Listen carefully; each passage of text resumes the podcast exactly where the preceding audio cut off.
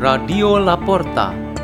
The door is open for you for the growing of knowledge and wisdom of God. Delivered by Father Peter Tukan SDB from Salesian Bosco Gerak in Labuan Bajo, Diocese of Ruteng, Indonesia.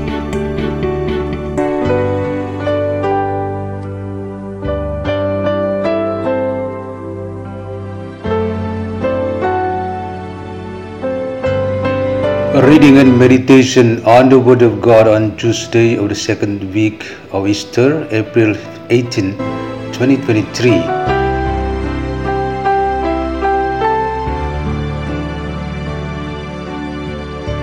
A reading from the Acts of the Apostles, chapter 4, verses 32 to 37.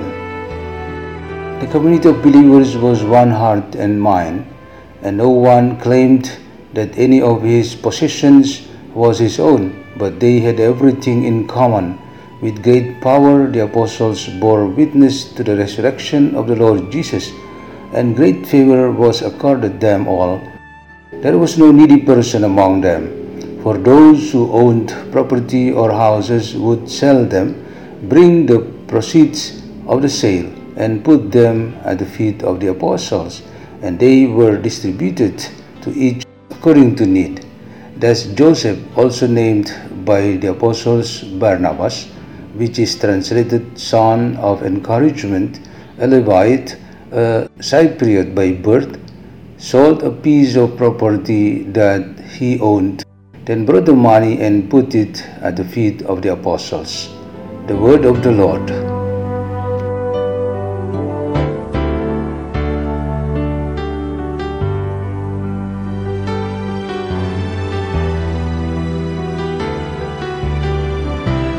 Our meditation today is the theme One Heart, One Soul.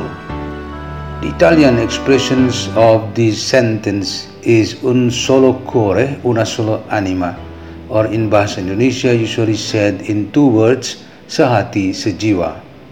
The Acts of the Apostles in the first reading today tells us about the first Christian gatherings as they committed themselves to follow Christ and one principle that bound them together as the church or the people of God was the spirit of one heart, one soul. An example for this can better explain about the spirit of one heart, one soul of the early church. People and families not from the circle of the apostles of Jesus put their belongings together under one management of the community. This manner served the creation of justice and equality for all members of the church. Meanwhile, the apostles themselves took responsibility in the teaching and preaching the gospel and building up spiritual bonding among the faithful. The immediate outcome of this was that the community and the church became a lovely home for everyone.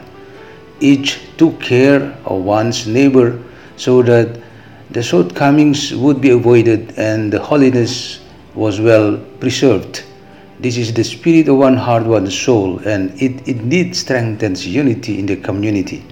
In other words, the spirit of one heart, one soul reflects the virtue of balance. The heart represents a physical or biological part of the human body. So if we say we are of the same heart, it means that we have a concrete unity of different people regardless of various categories such as young, old, fat, thin, black, white, short, and other physical features. Different cultural backgrounds, races, languages, nations, and so on indicate the real world where Jesus Christ directed his mission. To fulfill the will of the Father, he unites all people under the power of his kingdom in the form of Christian fellowship and eventually to provide them salvation. The soul signifies life and consciousness that exists in the heart. The soul is the center of all human feelings and emotions. Energy of life and enthusiasm come out from the human soul. Without this element of soul, human heart and body are lifeless. No enthusiasm and death. So if we say we are one soul, it means that we have unity shared among brothers, sisters, friends, with the same feelings, emotion, passion, and spiritual energy. When people from the same village and culture feel their similarities, when husband and wife experience the same emotions, or if the wife is treated unfairly by others and the husband's reaction followed.